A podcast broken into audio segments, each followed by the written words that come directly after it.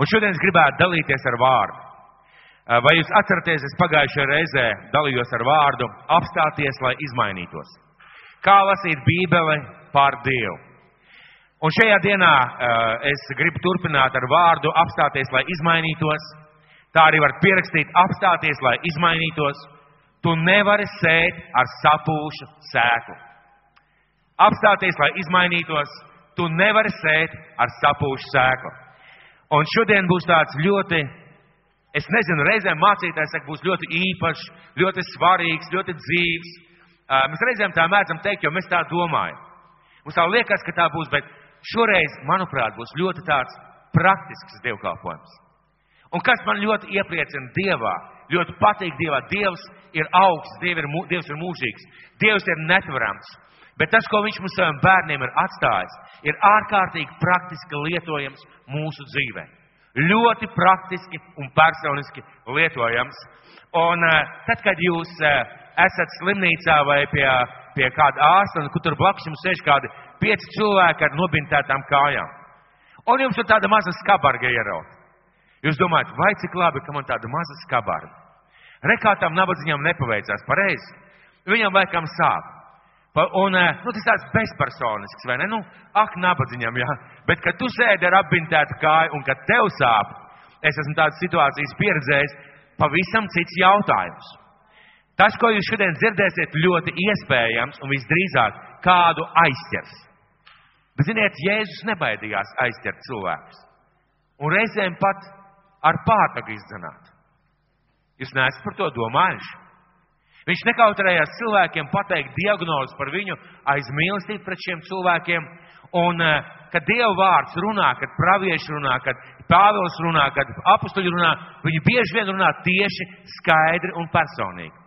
Ko tas nozīmē? Tas nozīmē, ka mums nav jāpainojās, un mēs galvenais nedrīkstam apcietināt savu sirdi. Tad, kad tu dzirdi Dieva vārdu, neapcietini savu sirdi. Vienkārši ļaujies tam un domā, ko man vajadzētu mainīt, kā man vajadzētu dzīvot, ko man vajadzētu darīties. Un uh, es gribēju šodien runāt par to, kā lasīt Bībeli par sevi. Bet svētais gars nedaudz izmainīja, un vairāk es par to runāšu citu reizi. Bet šobrīd es gribētu sākt ar vēstuli romiešiem, 8. nodaļu, 31. pantu līdz, 3, eh, līdz 39. pantam. Vēstuli romiešiem, 8. nodaļa, no 31. līdz 39. pantam. Un, eh, kā jau es teicu, vārds tā saucās apstāties, lai izmainītos. Tu nevari sēt ar sapuvušu sēku. Ko sacīsim par visu to? Ja Dievs par mums, kas būs pret mums? Viņš jau savu pašu dēlu nav saudzējis, bet to par mums visiem nodevis nāvē. Kā tad viņš līdz ar to mums nedāvinās visas lietas? Kas vēl apsūdzēs Dieva izredzētos? Vai Dievs, kas mūs taisno? Kas mūs pazudinās? Vai Kristus Jēzus, kas ir nomiris? Vēl vairāk, kas ir augšām cēlies un ir pie Dieva labās rokas, kas mūs arī aizstāv? Kas mūs šķirs no Kristus mīlestības? Vai ciešanas, izbailes, vajāšanas, bats, plikums, briesmas vai zobens? Gluži kā ir rakstīts, tevis dēļ mēs ciešam nāvi augu dienu, mēs tiekam turēti līdzīgi kaujavām avīm. Nē, visās šīs lietās mēs pārpārēm paliekam uzvarētāji tā spēkā, kas mūs mīlēs. Tāpēc es esmu pārliecināts, ka ne nāve, ne dzīve, ne eņģeļi, ne varas, ne tagad, ne nākotne, ne spēki, ne augstumi, ne dziļumi, ne cita kāda radīta lieta mūs nevarētu šķirt no Dieva mīlestības, kas ir atklājusies Kristu Jēzu mūsu kungā. Un vēlreiz gribētu ilzīt, nē, visīs šajās lietās mēs pārpārējām, paliekam uzvarētāji tā spēkā, kas mūs mīlēs. Un šeit mēs ik viens varam teikt, slava Dievam! Slava Dievam, ka Viņš tevi ir atradis! Slava Dievam, ka Viņš man ir atradis! Slavu Dievam par to, ka mēs šodien esam šeit, Dieva namā. Ne tāpēc, ka mēs esam īpaši izredzēti, bet tāpēc, ka Dievs sūtīja mūsu dzīvē kādus cilvēkus vai notikumus, un Viņš mūs izglāba, un Viņš mūs atrada. Un paldies Dievam par to. Mēs kādreiz noticējām Dievam. Uh, un, kad mēs neticējām, mēs dzīvojām tā, kā mēs sapratām. Mēs kaut ko zinājām, kaut ko nezinājām, mēs it kā laipojām pa dzīvi. Ziniet, tāds teiciens - laipot pa dzīvi. Tas nozīmē, ka mēs kā dzīvojam no veiksmes uz izdošanos, varbūt izdosies, labi būs, varbūt sanāks, varbūt tam līdzīgā veidā. Un tā mēs laipojām pa dzīvi. Un tad Kristus ienāca mūsu dzīvē. Viņam ienāca mūsu dzīvē katram savādāk. Katram individuāli un katram savādāk. Citam ātrāk, citam vēlāk. Un Kristus mūs izglāba. Viņš mūs izglāba un mēs kļuvām par Dievu bērnu. No kā viņš mūs izglāba? Divas lietas. No atšķirības no Dieva no mūžīgā soda un mūs no sevis paša. Es kādā reizē sludināju, un uh, sludināšanas laikā Dievs man deva vārdu, jeb tādu atziņu. Jūs ziniet, tēvreizē ir vārdi un atpestī mūs no ļauna. Ziniet, jā? Ja? Un parasti mēs uz tā atpestī mūs no tā ļaunā vēlna, no tā ļaunā uzbrukumiem, no tā ļaunā lietām. Mīļie, mums ir bieži vajadzīga atpestīšana pašiem no sevis. Atpestīt Dievs mani no manas vecās dabas, no manas vecās rīcības, un Dievs ienāca mūsu dzīvē, Viņš mūs izglāba. Mēs atdevām savu dzīvi Kristum. Mēs kristījāmies, slēdzām derību ar Dievu ūdens kristībās, mēs saņēmām svēta gar dāvanu ar runāšanu mēlēs, un ļoti daudz kas mūsu dzīvē izmainījās. Un mums ir šī pārdabiskā iekšējā liecība no šīs pašas vēstules romiešiem 8. nodaļas 15. līdz 11. pantam. Jo jūs esat saņēmuši verdzības garu, lai atkal kristu bailēs, bet jūs esat saņēmuši dievbērnības garu, kas mums liek saukt aba tēvs. Šis pats gars apliecina mūsu garam, ka esam Dieva bērni. Un mēs saņēmām šo iekšējo pārliecību, neatkarīgi no tā, cik skaisti, cik labi, cik brīnišķīgi mēs bijām, cik sakārtot, cik forši. Mēs saņēmām šo iekšējo pārliecību. Mums ir jābūt šai iekšējai pārliecībai, jo tas ir tāds kā iekšējais zinums. Tas mums ir vajadzīgs, ja kādam nav, lūdziet, lai Dievs jums to apliecina. Protams, jā, ir Kristus pieņemts, protams, ja esat slēguši darību, protams, esat atdevuši savu dzīvi Dievam. Un visam vajadzētu būt vienkārši ideāli. Mūsu attiecībās, mūsu finansēs, mūsu kalpošanā, visam vajadzētu būt vienkārši ideāli jo tu esi ar Dievu. Un visam tagad vajadzēja vienkārši tecēt tā kā pa strautiņu. Mūsu vārdiem, mūsu darbiem, mūsu domām, visam vajadzētu nest svētību. Jūs esat padomājuši kādreiz, ja tu esi kopā ar Dievu, visam vienkārši vajadzētu būt labi. Vai tā ir taisnība, ka visam vajadzētu būt labi? Pareizi. Visam vajadzētu būt labi. Un, kad mēs atnākam Dieva valstībā, reizēm mums pasaka, tagad, Jāni, tu naudu nezināsi, kur likt. Tev nebūs nekādu slimību, vispār aizmirst par iesnām, par klapu, par visām pārējām lietām. Visi tevi mīlēs, visi tevi nesas uz rokām. Tu tad esi Dieva bērns. Kaut kā tā nesanāk, pareizi. Kaut kā tā nesanāk. Bet kāpēc ir tā? Bet kāpēc ir tā? ka dzīvojot ar Kristu, gribot labu, gribot svētības, gribot, lai citi ir svētīti, tiecoties pēc Dieva valstības, ir brīži, kad mēs piedzīvojam sakāvi, kad mēs piedzīvojam uh, nesvētības, kad mēs piedzīvojam zaudējumus, kļūstam par piedaudzības un klupšanas akmeni kādiem cilvēkiem, paši dzīvojam rūgtumā un nesvētībās, un reizēm esam sarūktināti un rūktas eh, saknes pilni. Kāpēc ir tā? Kāpēc ir tā, ka atnākot uz dievkalpojumu, mēs nevaram brīvi dziedāt? Kāpēc ir tā, ka mums grūti klausīties prediķi? Kāpēc tā, ka mums ir jānodur galva, jālasa bībeles prediķi laikā vai vēl kaut kā? Kāpēc ir tā, ka zenoties pēc Dieva valstības, reizēm mēs nepiedzīvojam to, ko vajadzētu atnest tam, ka mēs esam Dieva bērni?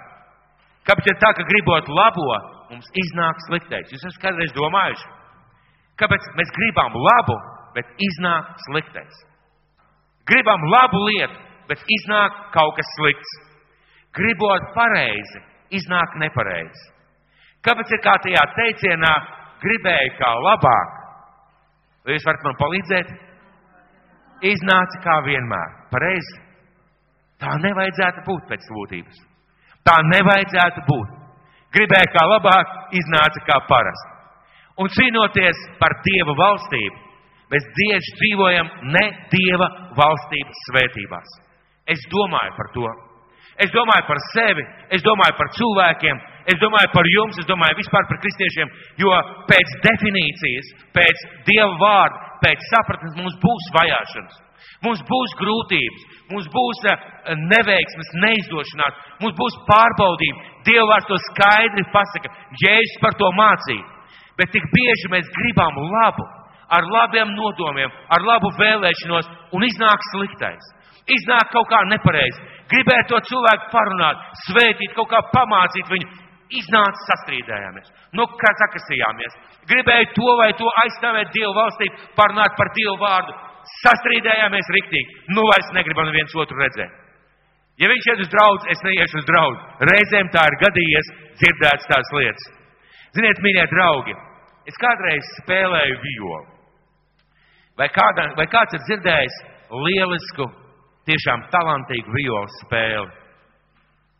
Ir kāds cilvēks dzirdējuši, jā? Ja? Tikai ne no manis, pareizi, Kristap. Mēs esam dzirdējuši talantīgu violas spēli. Ziniet, un viola ir ļoti skaists un smalks instruments. Viens no tiem instrumentiem, kur nav noteikta vieta, kur nolikt pirkstu. Un tikai no tavas spējas dzirdēt mūziku Tikai no tava talanta, tikai no tava pirkstu veiklības tu vari burtiski ļaut, lai likt šai violai dziedāt. Esmu dzirdējis, ka viola dzied, un tu sēdi un klausies, un nevajag nevienu citu instrumentu. Viola vienkārši dzied. Bet ziniet, kas ir interesanti? Viola var arī čīgāt. Un tie man ir žēl to vecāku, kuru bērni mācās spēlēt violi. Ziniet, kādā ziņā bērni vienkārši čīgā. Un savā laikā, tad, kad man bija jāmācās, mums bija skolā tāds tā kā paradums, mēs violi spēlējām, tur puiši savākšies tā kā ģitāri. Un tad bija tāds pasākums, ko sauc par oda lidojumu. Ziniet, jūs uh, uzliekat pirkstu un uh, notriņšana stīgu un tā ots aizlidoja. Tas bija nagla, tas bija skaisti. Bet viola var arī čīgāt. Jautājums, kāpēc? Viens un tas pats instruments. Viens un tas pats instruments burtiski var apurt cilvēku, svētīt cilvēku, novest cilvēku līdz emocionālam saviņojumam, un viens un tas pats instruments var likt bēgt no tās mājas vai no tās istabas. Un teikt, vienkārši beidz čīgā. Kāpēc? Jo mēs nemākam spēlēt. Ja mēs nemākam spēlēt, mēs čīgājam. Mēs nemākam pareizi lietot šo instrumentu, nemākam spēlēt, nemākam ļaut vai likt viņam dziedāt. Kāpēc gribot labo, un mūsos ir sēkla gribēt labu? Mūsos ir šī dieva sēkla gribēt labu. Tas mums ir no dieva ielikts. Un vispār patiesībā visi cilvēki grib labu. Pat tie, kas nerīkojās pareizi, viņi rīkojās ar domu, es tā darīšu, un man būs labāk. Man būs patīkamāk, ērtāk, drošāk, veikā, veiklāk, foršāk, labāk. Cilvēkos ir šī sēkla gribēt labu un Dieva bērnos pilnīgi nozīm, viennozīmīgi. Tad kāpēc, domājot vai vēloties kā Dieva bērni, darīt labu, mums tik bieži sanāk sliktais? Kāds teiks, Jāni, cilvēkā nemīt nekas labs. Cilvēkā mīt grēcīgā daba. Mēs esam jauns radījums. Tad kāpēc mums neiznāk pareizi? Ziniet, kāpēc? Bībele atbild. Tāpēc, ka cīnoties par Dieva valstību, jūs nesat cīnījušies pareizi. Mēs varam cīnīties nepareizi, cīnoties par Dieva valstību. Vai mēs necīnāmies pareizi? Un otrā vēstule Timotejam, es lūkšu visus atšķirt. Otrā vēstule Timotejam, piektais pants. Otrā vēstule Timotejam, piektais pants. Pāvils runā šie, šie vēstulē drusku par citām lietām, bet otrā vēstule Timotejam, otrā nodaļa, piektais pants. Lūdzu, atšķiriet visi. Vai es varētu palūgt tādu privilēģiju, atšķiriet savās bībelēs? Nu labi, telefonos. Jo tas ir tavs telefons, tā ir tava bībele, tavs Dieva vārds. Un lūk, ka 5. pantā saka Pāvils. Svarīgi, mīļie draugi. Tas nav vienkārši Pāvils. Mēs bieži vien lietojam vārdus Pāvils, Pēteris, Jēkabs. Padomāsim par Pāvilu. Dievs viņu izredzēja par savu instrumentu. Dievs viņu pārdabiski uzrunāja, kā nevienu. Kristus personīgi viņam atklājās. Viņš pavadīja trīs gadus kopā ar Kristu tuksnesī, kā mēs varam to saprast no Bībeles, un viņš saka, es biju trešajās debesīs. Man ir atklāsmes, man ir pravietojumi, esmu dzirdējis vārdu. Pāvils bija svētā gara vadīts cilvēks. Un svētais gars caur Pāvilu saka, šodien tev un man. Un jebšu kāds cīnās, viņš dabū vainagu tikai tad, kad viņš ir cīnījies pareizi. Tikai tad, kad viņš ir cīnījies pareizi. Vai tad nav vienkārši jācīnās? Vai tad nav vienkārši jācīnās par Dievu valstību? Jācīnās par Dievu valstību, bet jācīnās ir pareizi. Jācīnās ir pareizi par Dievu valstību savā dzīvē. Un eh, šeit rakstīts tā, ka vainagu dabū tikai tad, kad cilvēks ir pareizi cīnījies. Nevis vienkārši cīnījies, bet cīnījies pareizi un ļoti skaidri. Kas ir vainags? Dieva valstības rezultāts. Jā, uzvara pēc tam, kad Kristus nāks. Jā, godības balva pēc tam, kad Kristus nāks otrais pēc savas tautas. Jā, Dieva svētības mūsu dzīvē, bet uzvara var būt tajā lietā vai tajā situācijā. Jo ziniet ko? Mēs varētu, mēs esam runājuši par to, ka dzīve sadalās septiņās sfērās septiņās sfērās, bet par to šodien nerunāšu. Bet, piemēram, ja mēs ar māsu mēģinātu tikt galā ar kādu, vai kādu brāli par kādu jautājumu, mēs varam par šo jautājumu diskutēt pareizi un nepareizi. Un pareizs rezultāts, jeb dievbijīgs, jeb dievišķs rezultāts, dievu valstības rezultāts būs tikai tad, kad mēs klausīsimies viens otrā nepārtrauksim. Kad mēs raksim vārdā, kad mēs salīdzināsim, kad mēs spriedīsim, kad mēs lūgsim, un rezultātā mēs nonāksim pie rezultāta. Mani ļoti iepriecina tas cīņas veids, kas bija pirmajai draudzēji, kad Pāvils un Pēteris, kad viņi sludina pagāniem. Brāļi Jeruzalemē ir sašutumā. Tu esi gājis pie pagāniem. Un viņi ir stipri pārliecināti, ka pagāniem nav nekādas glābšanas vai pestīšanas. Viņi atnāk un rakstīts, izcēlās astrīts. Vai tas bija pareizs cīņas veids? Nepareizs. Un tad kāds no brāļiem piecelās un saka, pagaidiet, paklausīsimies, ko viņš stāsta. Un viņš izstāsta, ko Dievs ir darījis. Un beigās viens no brāļiem saka, ziniet, brāļi, acīm redzot, Dievs glāb arī pagānus. Pēc tam, kad viņi runāja, kad viņi sprieda, kad viņi uzklausīja, cīnoties pareizi, atnāca vainags uzvara šajā jautājumā. Atnāca vainags, uzvar šajā jautājumā. Kā tas izpaužās mūsu dzīvē? Kā tas izpaužās mūsu dzīvē? Mēs cilvēki esam ļoti interesanti. Ja jums kāds melo, jūs esat dusmīgi, pareizi? Vai jūs priecājaties par to? Ja jums kāds melo, jūs esat dusmīgi. Dieva bērni nedusmojās. Es zinu. Nes kāpēc Jēzus dusmojās. Es zinu, neviens šeit nedusmojās. Jūs esat dusmīgi. Esam dusmīgi, pareizi. Un tad, kad mums saka patiesība, mēs arī esam dusmīgi. Ļoti interesanti, pareizi. Mums melo, mēs dusmojamies. Mums saka patiesību, mēs dusmojamies un reizēm vēl vairāk. Tas ir interesanti. Un es minēšu kādus tādus praktiskus, vienkāršus piemērus, un kā jau es teicu, neapcietiniet savu sirdi, klausieties, domājiet. Mēs gribam, lai kāds cilvēks, piemēram, mainās. Jo mums liekas, ka viņš kļūdās, un iespējams, ka viņš kļūdās. Un mēs ļoti vēlētos, lai šī cilvēka dzīve mainītos. Vai tā ir debesu valstības vērtība? Vēlēties, lai cilvēka dzīve mainās. Nu, sakiet, vai tā ir debesu valstības vērtība? Vai tā ir debesu valstība priekš šī cilvēka?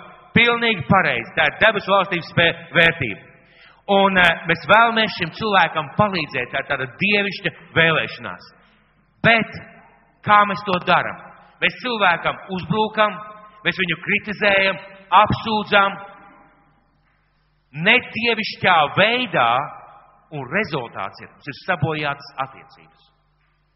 Mēs gribējām labu, bet nu, kaut kā atkal sanāca sabojājuma attiecības. Kāpēc? Mēs to darījām nedievišķā veidā. Bet kā būtu tas to darīt dievišķā veidā? Protams, mums būtu jāizlasa Bībelē ar mīlestību, ar pazemību un ar lēnprātību. Pirms tam lūdzot par cilvēku.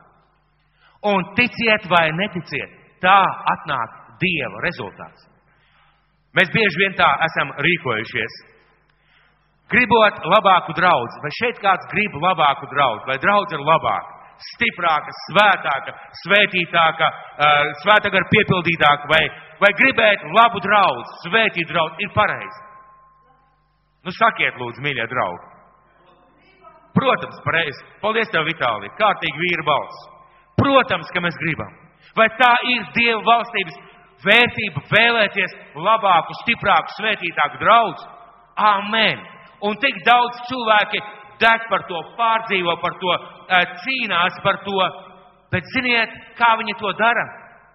Kritizē, aprunā, apsūdz, noniecina, ar patiesu vēlēšanos, lai draudze mainītos, bet viņi nosoda un dara to nedievišķā veidā. Un kāds ir rezultāts? Starp cilvēku un draudz izveidojās siena. Pirmais, ar ko siena, ar ko, ar ko siena izveidojās, tas ir mācītājs. Diemžēl kaut kā visiem esot problēmas ar mācītāju draudzē. Neesat pamanījuši, ne mūsu draudzē, bet vispār. Kāpēc tu aizgāji no tās draudzes? Nu, tie krēsli bija citā krāsā, nekā man būtu gribējies sēdēt. Nē, nu tā skaņu aparatūra tur nebija tāda, man tā kā prasījās tādu labāku aparatūru. Mācītājs ne tā mācīja. Mācītājs ne tā runāja. Kāda būtu dievišķs veids, kā cīnīties dievišķā veidā par labāku draugu? Es jums pateikšu, tu redzi kādu problēmu vai vājību, lūdz par to, iestājies par to, nāc uz draugu, uzņemies atbildību, iestājies plaisā. Iestājies plaisā, noliec šo strīdīgo jautājumu malā, parāda labu gribu kopā ar Dievu un zini, Dievs caur tevi var ļoti daudz ko izdarīt. Jo, ja tu cīnies nepareizi, tu piedzīvo zaudējumu un nedabū nekādu vainu. Rezultātā tu sacelies pret draugu, pret vadību, un tad ne par vadību patiesībā ir runa. Īstenībā tu sacelies pret Dievu un tu dzīvo rūgtumā, dzīvo nepiedošanā, dzīvo tādā mošanā, bet tu taču gribēji labu. Tu taču gribēji labu un ar brāli padalījies par to, cik slikta ir draudz, jo tu gribēji labu. Rezultātā tu nonāci problēmā, jo tu necīnījies dievišķā veidā. Laba doma, laba ideja, pareizs sirds, bet ne dievišķā veidā. Gribot laicīgi aizbraukt uz kādu pasākumu. Mums vakar bija interesanta lieta, un uh, Jāsaka tā, man laikam jāžēlo grēki, bija mirkli, kad es pārsniedzu ātrumu. Mašīna ir laba, brauc jauki, skaisti, brīnišķīgi sarunu biedrenes sieviņa blakus, skaists laiks, un gribot aizbraukt laicīgi uz kādu pasākumu, laicīgi ierasties. Vai tā ir Dieva valstības vērtība? Atbraukt laicīgi, ar visiem sasveicināties, nav nekādas steigas, neko neesmu nokavējis. Vai tā ir Dieva valstības vērtība? Vai ir dievvalstības vērtība? Āmen, pareizi. Bet kā mēs to darām? Mēs pārkāpjam noteikumus, braucam par ātru, kaut kādā veidā dodam cilvēkiem piedauzību, un ziniet, tad, kad mūs aptur policists, ne pavisam vairs nesmaržo pēc Dieva valstības. Jo viņš kaut kā nesaprot, ka tu sveicies, steidzies uz svēto konferenci. Ziniet, kā ir pareizi dievišķā veidā nonākt pie rezultātu, lai būtu laikā. Piecelies laicīgi, izbrauc laicīgi, ieplāno laicīgi, un tur ir ātrums, tev nekur nav jāsteidzās, nekur nav jāskrien. Gribot, lai visam pietiek naudas. Ziniet, vai tāda naudas pietikšana ir uh, Dieva valstības vērtība? Nu, ka tev pietiek līdzekļu visam, kam vajag, ko, ko Dievs tev vēlās iedot. jeb kas tev ir vajadzīgs. Vai tā ir Dieva valstības vērtība? Ir pareizi, mēs visi piekritīsim. Un skatieties, kas notiek. Domājot par to, kā parūpēties par savu ģimeni, par to, lai visam pietiktu, lai viss būtu kārtībā, mēs nedodam Dievam to, kas Dievam pienākas. Un ar to mēs apzogam Dievu, apzogam sevi, apzogam cilvēkus un apzogam Dievu valstību, kurā vajadzēja sēt. Mēs gribējām labu. Mēs gribējām, lai mums pietiek. Mēs gribējām, lai viss ir kārtībā ģimenē, bet mēs kā rīkojāmies nepareizi. Kā vajadzētu rīkoties dievišķā veidā? Dot Dievam, kas Dievam, kārtīgi strādāt, lūgt Dievu, rūpēties, būt taupīgam, būt sakarīgam, domāt, ko tu pēc, un debesu tēvs iedotu mieru un visu, kas ir vajadzīgs. Gribot, lai mēs būtu atpūtušies un nepārpūlējušies. Jautājums, vai tā ir Dieva valstības vērtība, ka tu esi atpūties, spirts, eh, tāds savāks, vai tā ir Dieva valstības vērtība? Nu, sakiet godīgi, ir pareizi. Kā to var panākt? Atkal plānojot, ko un kā tu dari.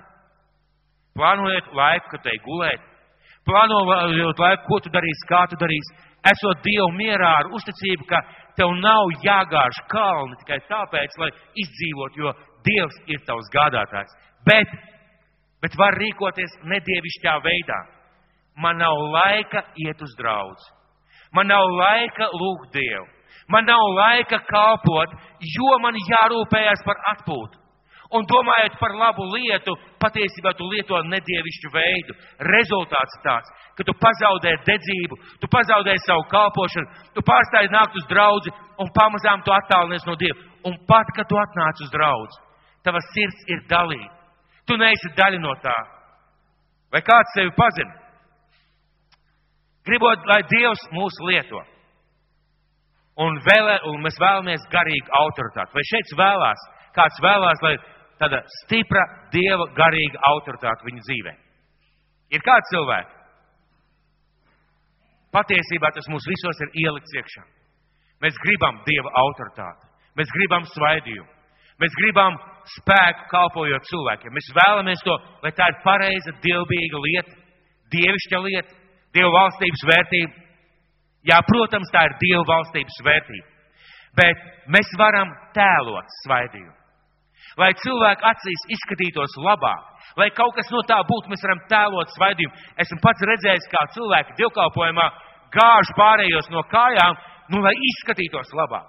Un farizējs teica, un ja es teicu par tādiem cilvēkiem, jūs farizēji, jūs liekuļi, jūs gavēji tā, lai cilvēki redzētu. Jūs dzenaties pēc autoritātes, pēc garīgas statusa, jūs dzenaties pēc tā, lai cilvēki klausītu jūs, bet jūs liekuļojat, jūs tēlojat. Mēs varam tēlot, mēs varam lietot garīgas frāzes, mēs kaut kādā veidā varam runāt ar Bībeles pantiem. Bet ziniet, ko Dievs saka? Dievs saka, ir cits veids, dievišķs veids. Sāc mani meklēt. Sāc lūgt, lai atnāk svaidījums. Sāc mācīties, sāc garīgi pieaugt. Ej dziļumā, meklē manu vadību, lūdz pēc tā, lai manā dzīvē tas būtu netēlo un neprasa, lai tas notiek redzamā veidā. Un tu dienā, dzīvē pienāks lieta, kad tu būsi rīkojies pareizi. Un tas būs labais rezultāts. Gribot laimīgi aprecēties. Vai laimīga laulība ir Dieva valstības vērtība? Nu, sakiet, māsas. Nu, visas grib aprecēties, kuras nav aprecējušās. Pareizi. Un kuras ir aprecējušās, vēlreiz precētos noteikti. Pareizi. Kaut arī varbūt vīri nav tādi. Piedodiet, vīri, es tagad, viņus, es, es tagad māsas izaicinu, ja? Mēs skatāmies tagad uz savām sievām, ko viņas par šito saka. Tā ir Dieva valstības vērtība. Kad jauna meitene grib precēties, sieviete, eh, kurai, var, kurai nav otrās pusītes, grib precēties, tā ir Dieva valstības vērtība. Par to ir jācīnās, par to ir jālūdz, pēc tā ir jāmeklē. Bet kāpēc ir tā, ka, kad parādās kāds neticīgs kandidāts, meitenes viņam pieķerās. Un tāpat arī puiši kandidātēm. Kāpēc? Kāpēc ir tā, ka zinot vai saprotot, ka tā ir Dieva valstības vērtība, ka tikai otra pusīte no Dieva var būt svētība tavai dzīvei. Cilvēki izvēlās otru pusi, kas netic Dievam, un tas nav dievišķs veids. Rezultāts ir dramatisks. Bieži vien dramatisks. Pilna dzīve ar asarām, pārdzīvojumiem un problēmām. Un paldies Dievam, ja, Dievs, ja, ja vīrs vēl beigās atnāk pie Dieva. Bet zini, kā varēja? Varēja lūgt Dievam un uzticēties Dievam, ka Dievs īstajā laikā, īstajā mirklī savadīs kopā ar īsto cilvēku. Labā ziņa, viņš nebūs ideāls. Bet lieliskā ziņa, viņš būs priekš tevis. Un cīnoties pareizi, mēs iegūstam pavisam citu rezultātu. Gribot, lai ir labs, gādīgs, mīļš, izdarīgs, sirsnīgs, gādīgs vīrs. Vai labi to gribēt? Mīļās māsas, labi to gribēt, pareizi? Vai tā ir Dieva valstības vērtība, labs vīrs? Ir Dieva valstības vērtība. Āmen! Tad kāpēc mēs savus vīrus zāģējam? Mēs viņus gribam labākus, pareizi. Un tāpēc mēs viņus zāģējam. Jo vēlēšanās, lai tas vīrs tā kā mainītos beidzot, lai viņš kaut kā viņa dzīvē kaut kas mainītos, lai viņš kļūtu labāks, čaklāks, drošāks, sirsnīgāks, mīļāks, mēs viņu zāģējam. Gribot, lai ir labāka sieva, mīļāka, rūpējās, mīl vairāk, ciena vairāk. Vai tā ir Dieva valstības vērtība? Tā ir Dieva valstības vērtība, pareizi. Ko mēs bieži darām? Mēs pārmetam, pieprasām, uh, strīdamies, un kāds ir rezultāts? Gan vīra gadījumā, gan sievas gadījumā. Kāds ir rezultāts? Tu taču gribēji, tev, lai tev ir labāks vīrs, bet tagad kā sestdien tā viņš uz makšķerēšanu. Tu taču gribēji, lai tev ir labāka sieva, bet viņa kā iespēja tā draudzinēm uz koncertu. Kaut kāds trakums. Nu, laikam būs jāstrādā vēl pie sievas un viņš man atnāks, tad gan es pie viņa pastrādāšu. Ziniet, tas nav dievišķs veids. Ir laba vēlēšanās, ir laba sirds, ir pareiza doma. Tas nav dievišķs veids. Lūk, dievišķs veids ir piedot, lūgt, domāt, kā mainīt otru cilvēku. Lasīt Dievu vārdu, saprast, kā runāt ar šo cilvēku. Reizēm paciest, reizēm vienkārši norīt, reizēm vienkārši noklusēt, izrunāties ar šo cilvēku, darīt visu nevis šodien tikai un tagad, bet regulāri darīt to, lai tavs vīrs paliek labāk. Un ziniet, kāds ir rezultāts? Man ļoti patika, kā teica kāda māsa, kad es aprecējos ar viņu pēc pāris gadiem, es eh, lūdzu Dievam debes tēvs, kaut es viņu nebūtu precējis.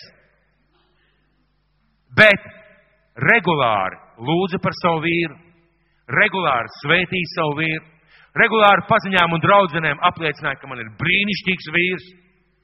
Un, ziniet, kaut kā ļoti svētīgi vīrs mainījās. Un arī sieva mainās, pareizi. Lūdzu, gavē, iestājies, svētī savu sievu un mainīsies. Lūk, kāda lieta. Gribot, lai liela būtu mūsu ticība un iegūt lietas, kas iegūstams tikai ar ticību. Ir lietas, ko var iegūt tikai ar ticību, mums ļoti to vajag. Ko mēs bieži darām? mēs zūdamies. Un tas nav pareizs veids. Tas nav dievišķs veids. Rezultātā mēs tikai atkrītam no Dieva, zaudējam mieru. Kad Dievs saka, vienkārši uzticies un lūdz un sagaidīs. Gribot aizbraukt un būt laimīgs. Cilvēki bieži vien grib būt laimīgi. Cilvēki grib būt laimīgi. Un uh, cilvēks vēlās būt laimīgs savā dzīvē. Un kur var iemantot tādu materiālu, mieru un vispārējo? Ziniet, kur? Anglijā, Vācijā, Īrijā, Skotijā, Kanādā. To visu var dabūt. Vienkārši tas tur tā plūst. Bet, lai tiktu uz turieni, nu kaut kā ir jātiek. Un, ja tu esi ticīgs cilvēks, vislabākais arguments - debes tēvs mani aicina. Vecākiem, draugiem, paziņām ir reāls gadījums, kad cilvēks ļoti negribēja šeit dzīvot, gribēja dzīvot kaut kur citur.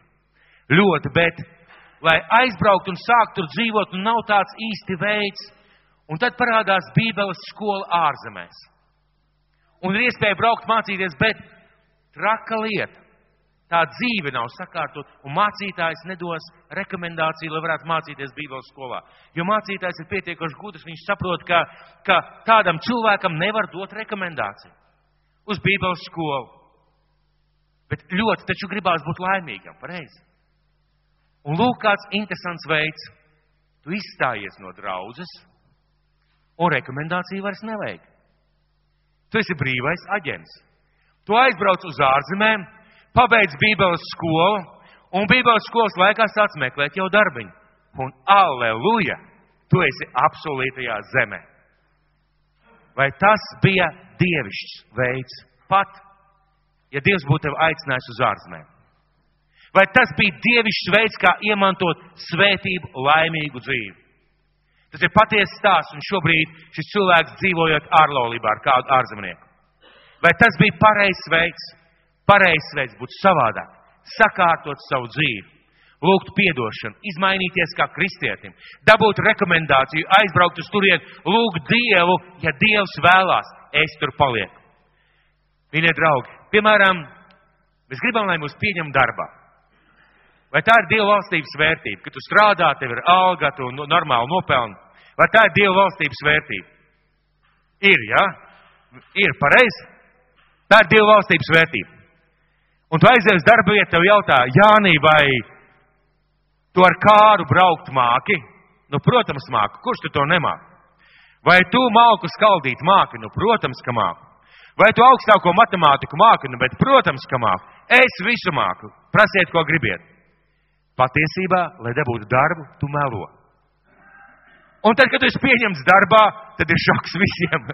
Vispirms priekšniecībai, pēc tam tev pašam, un eh, pēc tam ir milzīgas problēmas.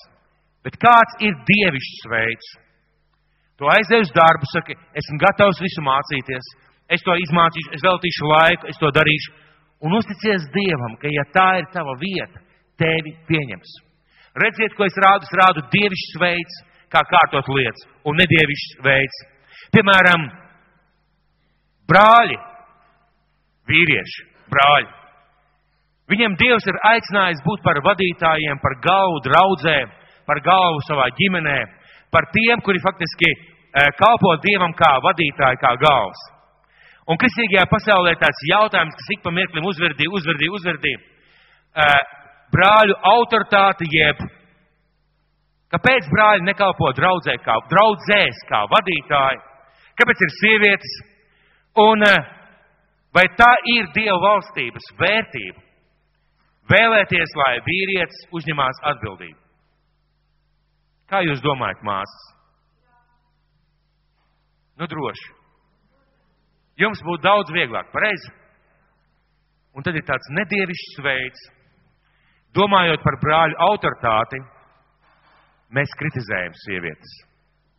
Viņas nav tādas, viņas nav tādas, viņas vēl pie tam ir sievietes, viņas vēl pie tam to un to un to. Un ziniet, kas notiek? Rezultātā mēs grēkojam.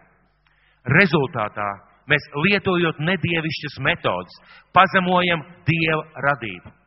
Mēs pazemojam to aicinājumu, to dāvanu, ko Dievs varbūt ir devis tai konkrētai sievietei. Un pat ja Dieva vārds saka, ka vīrieti uzņemies atbildību, tad tev kaut kas ir jāsāk domāt, kā dievišķā veidā veidot savu autoritāti. Ko darīt? Pirmkārt, lūgt Dievu, lūgt Dievu, saprast savu aicinājumu, strādāt pie sevis, augt, parādīt briedumu un sākt uzņemties atbildību. Un lūgt tādu Dievs, pamazām dot tev šo autoritāti. Un esmu pārliecināts, ka liela daļa sieviešu nomest no pleciem to nastu, ko viņām reizēm Dievs ir uzlicis. Bet Dievs ir uzlicis. Lūk, nedievišķais veids ir kritizēt, apsūdzēt, tiesāt un spriest. Apstājamies un sākam darīt pareizi. Mīļie draugi, tad kas mums trūkst?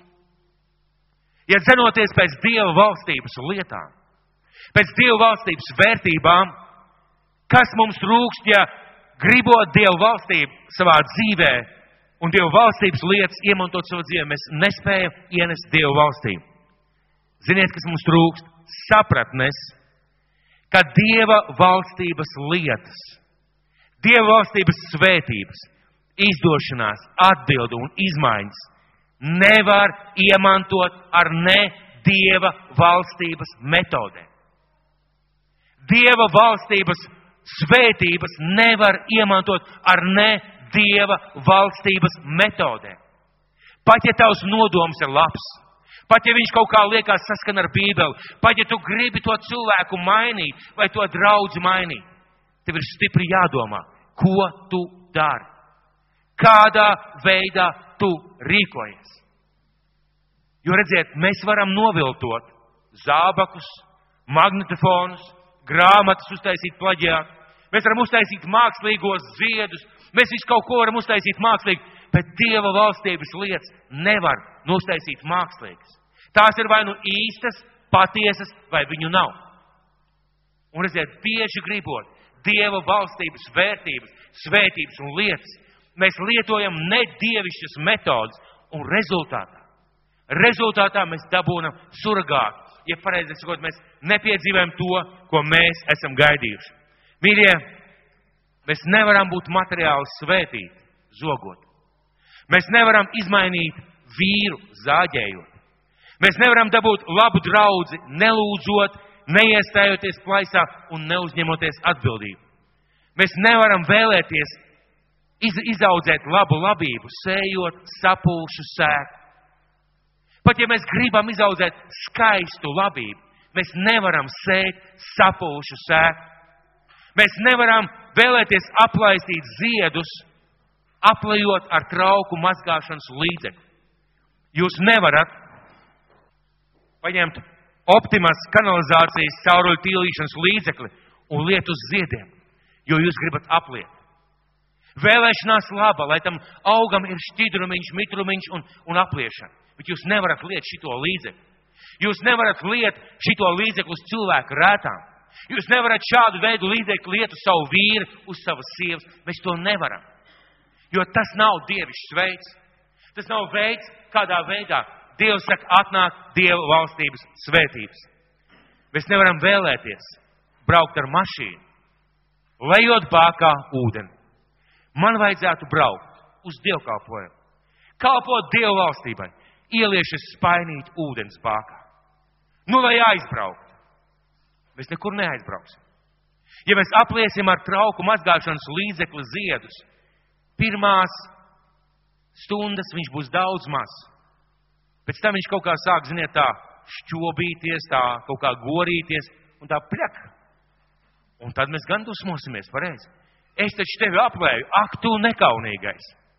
Mēs nevaram vēlēties iesēt labību, sējot sapūšu sēku. To vienkārši nevaram. Kas mums ir vajadzīgs? Rīkoties pēc. Rīkoties pēc. Un teikšu trešoreiz, rīkoties pēc Dieva vārda. Un Kristus māca tikai rīkoties pēc Dieva vārda. Nevis uz labu laimi, nevis kā man gribās, kā es vēlētos, bet rīkoties pēc Dieva vārda. Cīnīties tā, kā svētais gars māca caur vārdu. Mums vajag turēties pie mācības. Atšķiriet uz Salmana pamācības, 4. nodaļu, 10. 15. pants. Salmana pamācības, 4. nodaļa, 10. 15. pants. De, tā, jā, Salmana pamācības, 4. Nodaļa, no 10. līdz 15. pantam. Pēc garās dažādu tēmu un situāciju iztirzāšanas nonākuši pie Dieva vārda. Desmitais pants. Tad uzklausi mani, mīļai, mans dēls, un iegaumē manu runu. Tad tavu dzīves gadu skaits kļūs jo liels. Es vedīšu tevi pie īstās atziņas, ceļa, pie īstās atziņas ceļu. Es izvedīšu tevi uz pareizās stīgas, lai kad tu iesi tavs gājums tev nekļūtu nepatīkams, kad tu skriesi, lai tavu kāja nekur nepiedauzītos, tur, turies cieši pie mācības, neatkāpies no tā. Saglabā to, jo tā ir tava dzīvība. Nē, pa bezdīvīgo tekām un neuzēj uz ļaunu cilvēku ceļa. Jaunajā tulkojumā manies nost no ļaunu cilvēku ceļa. Ko šī vieta mums pasaka? Ka Dieva valstību var iemantot tikai dievišķā veidā. Pa īstam Dieva valstību var iemantot tikai un vienīgi dievišķā veidā. Kā tas izpaužās? Dari tā, kā Dieva vārds māca. Un kur ir mūsu kļūda? Romiešiem 8, Romiešiem 8, 5, 6, Romiešiem 8. nodaļa, 5, 6 pants. Jo miesas cilvēki tiecas pēc miesas lietām, bet gara cilvēki pēc gara lietām. Lūk, viens veids, kā mēs rīkojamies, ir šis miesīgais, jeb, jeb nedievišķais. Otrs veids ir garīgais, jeb dievišķais veids. Miesas tieksme ved nāvē, bet gara tieksme uz dzīvību un mieru. Kas ir nāve? Tu runā ar savu vīru, tu centies viņu mainīt, paliek tikai sliktāk. Tu lūdz, tu, tu, tu runā par draugu, tu stāsti, kā vajadzētu būt, kādam vajadzētu mainīties, viss paliek tikai sliktāk. Tu kaut kādā veidā eh, sūdzies par sievietēm kalpošanā vai atbildībās, viss paliek tikai sliktāk. Un vienīgais veids, Vienīgais veids, kā rīkoties, ir rīkoties pēc gara. Un rīkoties pēc gara nozīmē rīkoties pēc Dieva vārda. Rīkoties pēc Dieva vārda. Un es zinu, ka noteikti kādam tas, ko es teicu, nepatīk. Man arī nebija īsti likās patīkami atzīties, ka es pārkāpu brīžiem noteikumus. Pēc mīļie draugi, ja mēs nedzīvojam pēc Dieva valstības principiem, Mēs nevaram iemantot Dievu valstī. Kādu labu laiku atpakaļ Dievs man par to runāja un šajā nedēļā atgādināja. Atcerēsimies, Dieva valstības lietas nav iespējams iegūt savā dzīvē ar ne Dieva valstības metodēm. Nav iespējams. Dievs nekad neakceptē, Dievs nekad nestāvēs tā. Un pat ja tev ir kaut kāds panākums uz mirkli, tas nebūs ilgi un tas atnesīs nāvi. Bet tad, kad tu dari dievišķā veidā, kad tu rīkojies pareizi pēc dieva vārda, tas ir kā sēkla, ko tu iesēji, un tas pamazām aug. Mēs zinām par simtiem, par desmitiem tūkstošiem izmainītām ģimenēm, izmainītiem cilvēkiem, izmainītām draudzēm, izmainītām attiecībām, izmainītām finansēm. Kād, kad cilvēki sāka darīt pēc Dieva vārda. Un pirmajā mirklī likās, varbūt ir ātrāks risinājums, vienkāršāks risinājums, risinājums tūlīt nesanāk. Atcerēsimies un pierakstiet to sev. Dieva valstības lietas nav iespējams iegūt ar ne Dieva valstības metodēm. Un pārdomāsim, kas ir tādā veidā mūsu dzīvē. Varbūt mēs dzenamies pēc Dieva valstības. Un es jau teicu, mūsos ir šī sēkla, dzīties pēc Dieva valstības bet ne ar Dieva valstības metodēm. Un lūk, varbūt tev ir atbildi, kāpēc ir tik daudz problēmu vai kāda problēmas kādā konkrētā sfērā tavā dzīvē. Tu lieto nepareizus instrumentus. Tu lieto nepareizas metodas. Tu lieto ne to, ko Dievs būtu vēlējies, lai tu lieto. Labā ziņa. Labā ziņa. Dievam ir atrisinājums. Un ziniet, kāds Dievam ir atrisinājums? Ne jau dusmoties uz mums, bet mainīt mūsu dzīvi. Dot mums vārdu. Un eh, pats galvenais, ka dot mums brīvību. Dot mums brīvību saprast, ka mēs necīnāmies ar saviem spēkiem. Dod mums šo pārdabisko iespēju uzticēties Dievam, ka Viņš zina labāk. Un ja Viņš ir pateicis, ka lūdziet par sievu vai par vīru, kad Viņš ir pateicis, dariet tā vai tā vai tā, uzticēsimies viņam un lūk romiešiem tajā pašajā vēstulē romiešiem 8. nodaļā no 12. līdz 13. pantam. Tātad, brāļi, mūs vairs nekas nesaist ar miesu. Kā mums būtu jādzīvo pēc miesas? Jo ja mēs pēc, jo, ja jūs pēc miesas dzīvojat, tad jums jāmirst. Bet ja jūs gara spēkā darat galu miesas darbībai, tad jūs dzīvosiet tad jūs iemantosiet Dieva valstības svētības. Kristus tā darīja. Kristus tā darīja. Dabiska reakcija uz apsūdzībām bija apsūdzības pretīm. Viņš vienkārši klusēja un svētīja šos cilvēkus. Ja šo te kādu cilvēku viņa nodeva, viņš vienkārši atstāja to Dieva ziņā. Kad viņš darīja daudzas lietas savā dzīvē, kad viņš redzam, ka viņš kalpoja, viņš mums atstāja šo piemēru. Viņš rīkojās dievišķā veidā. Un ziniet, ko viņš teica? Es neko nedaru, ko neredzu savu tēvu daram. Tāpēc, ka tu gribi labāku draugu, nerunā pa kaktiem par draugu. Neapsūdzi katram pretīm nācējam vai savai ģimenei. Lūdzu savā kambarī. Nāc uz dievkalpojumiem. Iestājies plaisā, kur tu vari. Svētī, dari, dod. Un Dievs ļaus tev ieraudzīt, ka draudz mainīsies. Tu gribi izmainīt savu otro pusīti. Lūdz par viņu. Dod labas lietas. Neapsūdz, nerunā, ne, nenot, netiesā. Dari to. Gribi būt svētīgs braucējs bez, bez pārkāpumiem. Brauc pēc notiekumiem un laikā celies. Mīļie, tā ir fantastiska atslēga.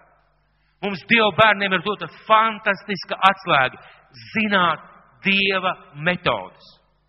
Izprast, kā Kristus, kā svētais gars darbojas.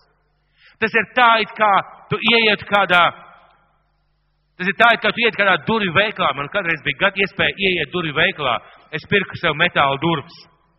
Un uh, dažādas cenas, dažādas iespējas.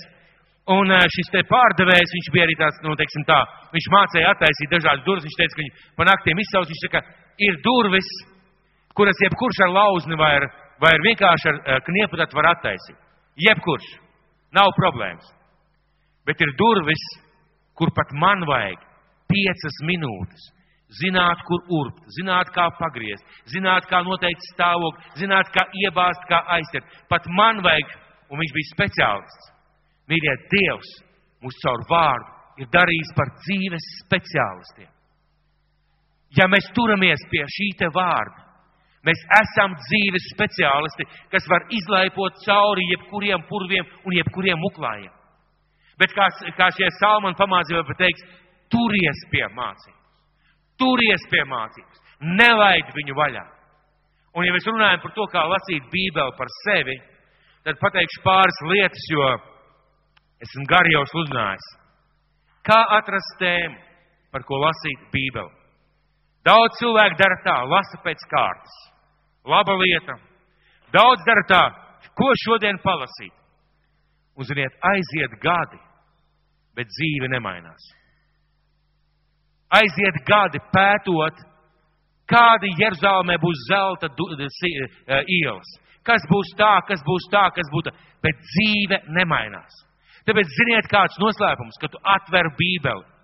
Kad tu atver Bībeli, nemeklē tēmu Bībelē, par ko lasīt. Meklē tēmu savā dzīvē. Jā, jālasa visu Bībeli no vāka līdz vākam. Jā, jā, jāpārlasa regulāri un bieži ir jālasa, bet, kad tu lasi Bībeli, meklē tēmu savā dzīvē. Meklē tēmu savā dzīvē. dzīvē.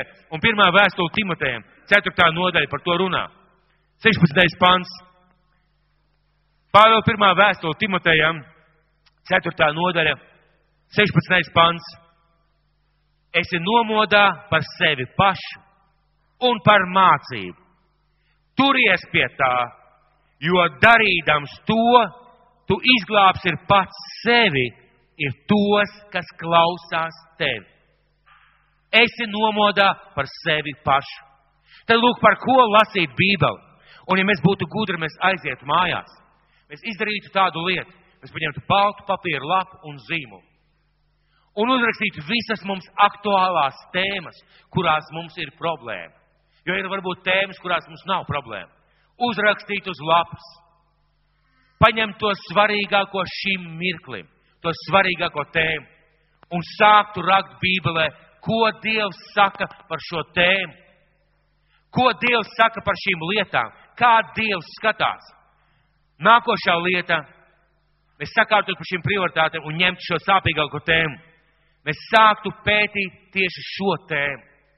Atrastu divas vai trīs, atrastu daudzas vietas, iziet šīm vietām cauri, izlasītu, pārdomāt. Atrastu divas vai trīs vietas no Bībeles, kas runā par to tēmu, kas man ir aktuāla. Iemācītos no galvas un staigātu un Dievu priekšā runātu, domātu par to, lasītu Bībeli, lasītu komentārus, lūgtu Dievam, Dievs atklāja man savu vārdu. Un ziniet, ko mēs izdarītu? Mēs izdarītu tieši to, ko Bībele saka, kas iedziļināsies kas iedziļināsies pilnīgajā dzīvības likumā. Tas būs svētīgs savā darbībā. Mēs iedziļinātos tajā vārdā, kas ir aktuāls mūsu dzīvē šobrīd. Piemēram, ja kādam ir laulības uh, aktuāls, lūdziet Dievu par to un meklējiet Bībelē. Vīrs, finanses, veselība, kāda lieta jums ir dzīvē svarīga, meklējiet tēmu par to, iemācieties no galvas un staigājiet un it kā dzemdējiet šo atbildi kopā ar Dievu. Un nebaidies, ja tas prasīs laiku. Nebaidies. Kāpēc? Jo tev nevajag vienkārši zināt, tev vajag izmainīt dzīvi. Un nepārstāj lasīt un domāt, kamēr tev atnāk sapratne, kā būtu pareizi jārīkojas. Un tu esi savā lūkšanā istabā. Un tu saproti, kā būtu pareizi jārīkojas ar to cilvēku, ar to situāciju, ar to lietu. Tu saproti, kā būtu pareizi jārīkojas. Pieņem lēmumu. Es iziešu ārā no savas lūkšanas istabas. Un tā arī darīšu. Un tev ir jāzina, tev būs bail. Tev būs bail, ka tev neizdosies. Bet tev nav variantu. Vienkārši pieņem lēmumu. Es iziešu ārā un tā darīšu. Un izej ārā.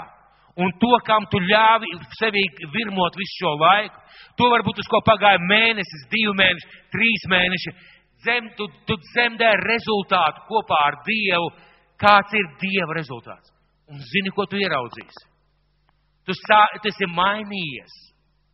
Mainīsies tava dzīve tajā sfērā un tajā situācijā, un tad ej pie nākošās sfēras. Un tā tava dzīve mainīsies. Labā ziņa. Mums nekas nesaist pie miesas. Un ziniet, kad mēs domājam par Dievu vārdu, ja es teicu, jūs atzīsiet patiesību, un patiesība darīs jūs brīvus.